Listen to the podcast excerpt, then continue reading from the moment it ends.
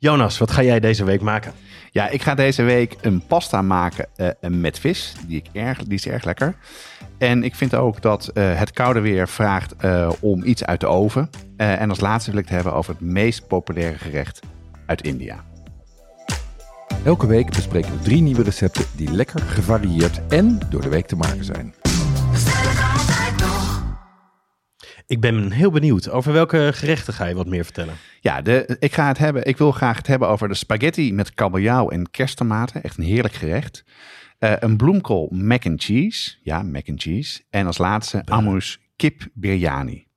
Dat klinkt heel goed, maar ik wil even beginnen bij die uh, mac and cheese met bloemkool. Uh, ben jij zo fan van macaroni en kaas? Want ik ken de mac and cheese van de Texaanse barbecue. Met zo'n kleffe witte boterham ernaast en wat vettige mayonaise coleslaw. Dus overtuig mij. Nou, dat, ik, was dus, ik zat in hetzelfde kamp. Ik heb het wel eens gegeten. Ik zal geen namen noemen. Uh, dan in Engeland. En dat kan ik, ik kon het gewoon niet opeten. Want dat is gewoon alleen maar meel en vet en, ja. en room en geen smaak. Uh, maar mijn vrouw heeft me overtuigd. Ze zei, ja, ik heb echt, uh, het kan echt heel lekker zijn. En we zijn toen samen verschillende recepten gaan, gaan uitproberen. Uh, en daar hebben we onze eigen versie van gemaakt. En die is ook vega en die is echt, het is echt heel erg lekker. Oké, okay, heel goed. Uh, hoe maak je deze? Ja, je, je, dit is, je maakt het met macaroni, maar dan dus niet de macaroni die je kent van vroeger met die hele kleine pijpjes, maar de mm -hmm. wat grotere versie.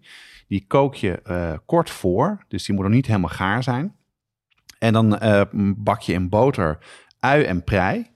en daar doe je er even wat meel doorheen en dan maak je een roe van en dan voeg je wat melk toe. Ja, dus en dan breng je het flink op smaak met mosterd, Worcestershire saus en verschillende soorten kaas. Maar Gruyère is wel de belangrijkste smaakmaker erin. Het geeft een beetje, een beetje stevigheid eraan.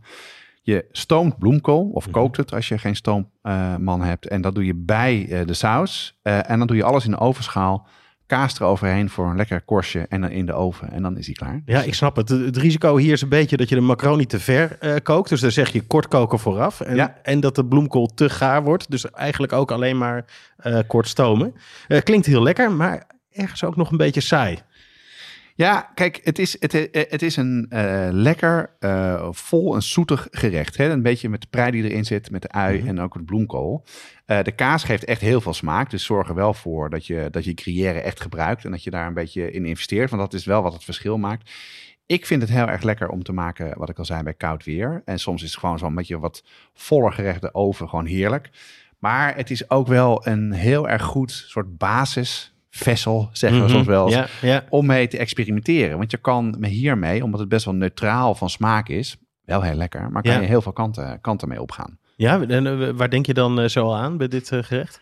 Nou, ik zou zeggen, als je bijvoorbeeld ve- het vegetarisch wil houden, kan je bijvoorbeeld knolselderij toevoegen. Die kan je of eh, stomen of koken of gewoon in de oven doen. Ah ja, hè. natuurlijk. Ja. Extra smaak. Ja. Zit een beetje in hetzelfde smaakspectrum. Wil je meer aardser eh, en umami, dan kan je paddenstoelen toevoegen. Ja. En dan is het wel lekker als je eh, verse paddenstoelen gebruikt, dat je ook dan wat gedroogde toevoegt. En dat je het kookvocht met de melk eh, bij de roe doet. Dan krijg je een veel vollere smaak. Dan Ja. ga je veel meer richting de paddenstoelen. Maar ja, als je de vegetarische kant, het, is, het zit heel veel groente in. Dus je kan wat meer naar de vleeskant gaan door er wat uitgebakken spek erbij te doen. Ja, Ham is ook heel erg lekker. ja. Of gewoon eh, gehakt er doorheen. Ja, dat, eh, echt, dat werkt echt, heel goed. echt een hele goede basis. Ik moet meteen denken, eh, een beetje hot sauce, sriracha of zo eroverheen. Of Heerlijk. een beetje richting Japans met wat miso of gochujang. Volgens mij kan je inderdaad hier heel veel mee. Ik ga dat, ik ga dat eens maken. Ja, het Leuk, is echt, ja. echt een, een, een goede soort van basis om, om zelf een beetje wat dingen toe te voegen. En dat gaat meestal gaat het gewoon hartstikke goed.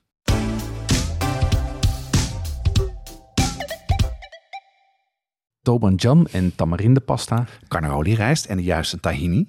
yuzu sap en panko. Moeilijk te vinden, zelfs als je een goede speciaalzaak in de buurt hebt.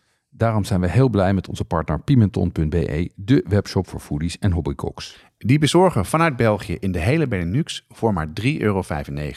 Ga naar pimenton.be om te bestellen. We gaan van de herfst eh, naar een wat meer eh, zomers gerecht. Spaghetti met kabeljauw. Wat, eh, wat is dit voor eh, gerecht, eh, Ja, dit is een, een, een pasta gerecht ehm, eh, wat je maakt met, met een beetje kabeljauw. Hè. Je zou denken heel veel, maar je pakt eigenlijk een beetje en heel veel tomaten. Oké. Het staat super snel op tafel. Het is heel erg smaakvol. En ik vond het dus wel interessant om vis zo te verwerken. Ik gebruik eigenlijk altijd weinig vis bij pasta. Ik vind het vaak een beetje te heftig, niet heel erg lekker. Mhm.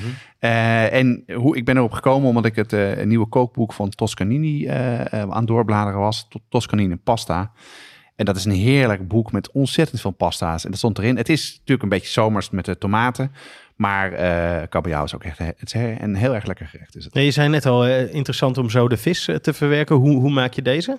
Ja, ik weet niet of je weet wat een AOP is qua Nee. pasta. Nee. Nou, dat is een pasta die, een beetje de oerpasta's, die is super simpel.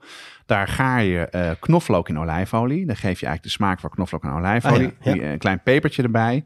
En dan, dan, dan de spaghetti. Dat is eigenlijk de, de, de oervorm. Eh, wat je hier doet, als je dat hebt gedaan, doe je er tomaten bij. Mhm. Dat geeft heel veel vocht. Ja, En er is er best wel wat eh, witte wijn bij om, het, eh, om smaak toe te voegen. En wat peterselie. En als die tomaten de juiste textuur hebben, dus een beetje wat gaarder geworden zijn, doe je de kabeljauw erbij. En die gaart eigenlijk in de vloeistof. Dus Oké, een beetje een soort ja. pocheren, garen bijna.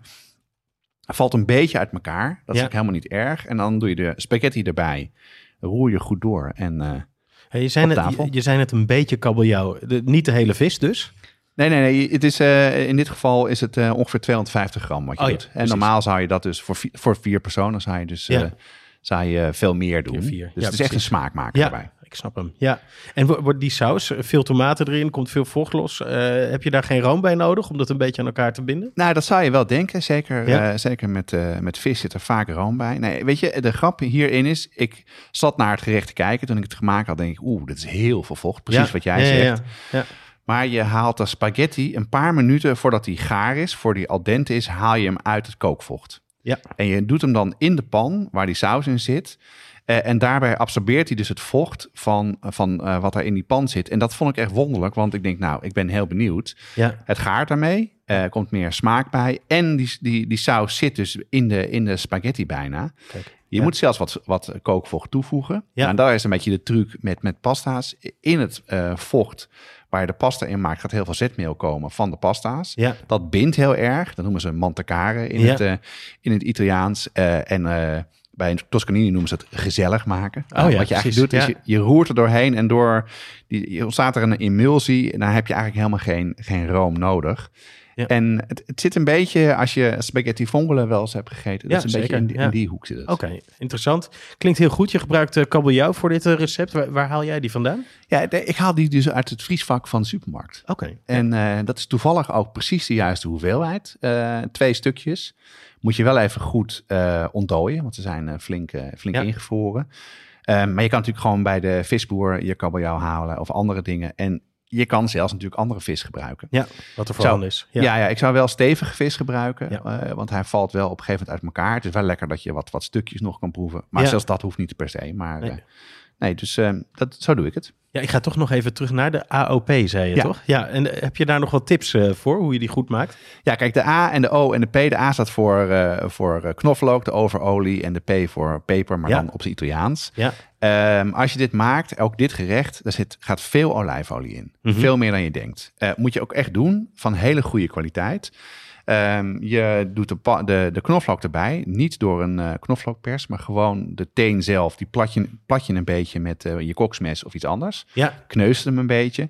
Dan laat je hem langzaam garen in olijfolie. Klinkt, Dus je- eh, klinkt als confijten bijna. ja, ietsje meer dan confijten. Ja, dus ja. het moet wel, maar het moet dus niet frituren, bij wijze Ja. van spreken. En dan wil je dat die, dat die eh, lichtbruin gaat worden, een beetje nootachtig bruin. Zeker niet donkerbruin, want dan gaat die bitter worden en niet lekker.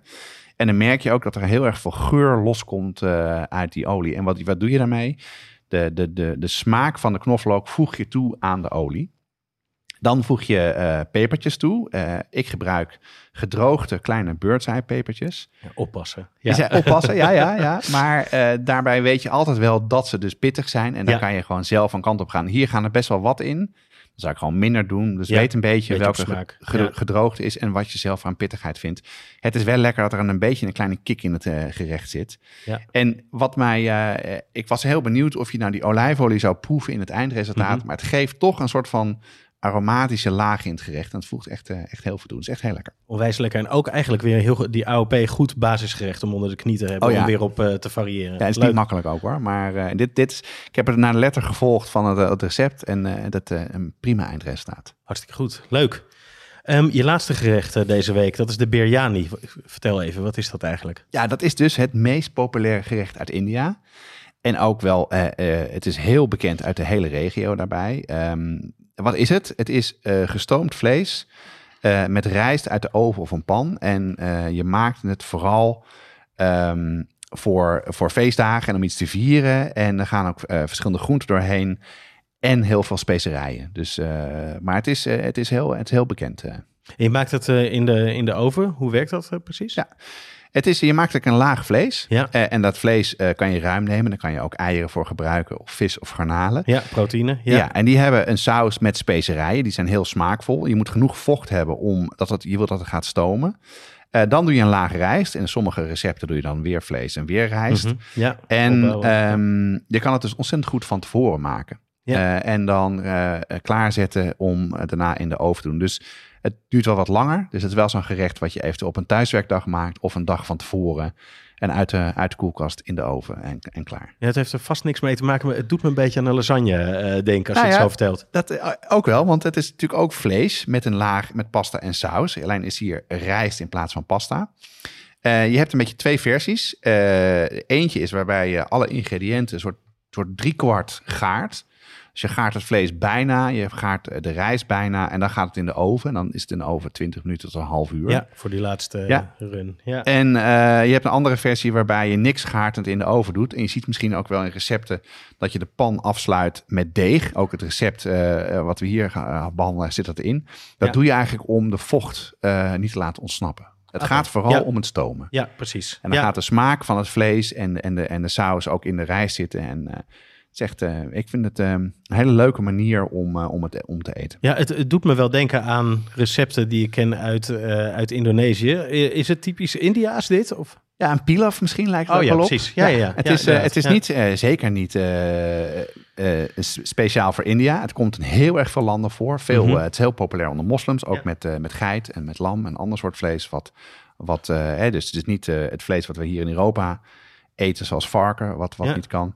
Ehm, Afghanistan komt veel voor. Indonesië komt het zelfs voor. Maleisië en Singapore. En je hebt ook in, in India heb je ontelbaar veel versies. Ja, ja. En ze zijn vaak heel erg regiogebonden. Dus Mhm. vaak is de naam van het gerecht ook gekoppeld aan de stad of aan de regio. En dan de een maakt het vooral met lam, de andere maakt het vooral met, eh, met eh, andere soorten eh, vlees of bepaalde soorten masala's of kruiden die, die heel erg verschillen per, per regio. Dus het is heel moeilijk om te pinpointen als één gerecht. ja, precies. Net als lasagne ja, eigenlijk. Eh, varianten be- bestaan erop. Maar ik Ja. vind het heel erg lekker dat het dus een gelaagd gerecht is met een soort van eh, verschillende lagen en de, uit de oven komt. En, Ja. eh, nee, dus Ik wil heel even inzoomen op het recept wat je, wat je gaat delen voor, deze, voor deze podcast.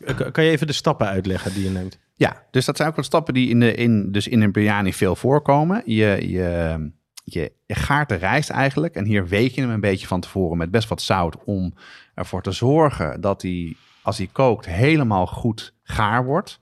Eh, dat hij evenwichtig wordt, want je wil hem dus op een gegeven moment stoppen. eh, dat, de hard, dat de binnenkant wat harder is, dat hij Ja. dus niet helemaal aan elkaar valt in de oven. Ehm, je bakt eh, vlees, in dit geval kip, eh, met uien en dan de saus. Er zit ongeveer yoghurt, er zit ook wat yoghurt doorheen en wat, eh, wat specerijen. Nou, dan pak je een ovenschaal, doe je vlees op de bodem, doe je de saus doe je er, doe je erbij, zodat dat vlees net onder staat. Ja. Dan doe je rijst en daarbovenop leg je gekarameliseerde uien. En de smaakmakers in het geheel is onder andere melk met safraan, wat heel rijk is. Ja. Eh, en er zitten onder andere ook eh, gember, cardamom, kaneel eh, en nog heel veel andere wat warme specerijen Ja, bij. India's. Ik hoor het alweer. Veel ingrediënten. Ja. ja, dat is het zeker zo. Je moet dus wel even naar de toko. Maar ehm, het lijkt, dat is ook die biryani's lijken ingewikkeld. Vooral de lange lijst van Ja, ingrediënten. precies. Ja. Maar het zijn maar een paar stappen. Ja. En je kan het in twee splitsen. Dus je kan het even van tevoren maken. In de koelkast zetten, wat ik al zei. Dus ja, ik zou het echt proberen. En Ja, als je eenmaal die, die meeste specerijen in huis hebt, dan, eh, dan kan je bijna alles maken in die keuken. Dus Ja, eh, het is leuk. even investeren. Maar het is een superleuk keuken om te ontdekken, India. Ja, geweldig. Ja, ik ga eerst thuis even beginnen met eh, mensen overtuigen van de mac and cheese. Dat wordt mijn eerste missie. Eh, vrijdag ga ik toch voor die AOP met, uh, met kabeljauw. Ik heb een heel goed adres voor verse vis. en je hebt me toch weer geïnspireerd om India's te koken. Dus het wordt weer een toertje langs de toko voor een, voor een rijtje kruiden. Hartstikke goed. Wil je deze gerechten ook maken? Kijk dan in de omschrijving van je podcast-app en klik op de links. Dit is een productie van Wat Schaft de Podcast. Volgende week zijn we er weer met drie nieuwe weekgerechten. Want ook dan geldt, bestellen kan altijd nog.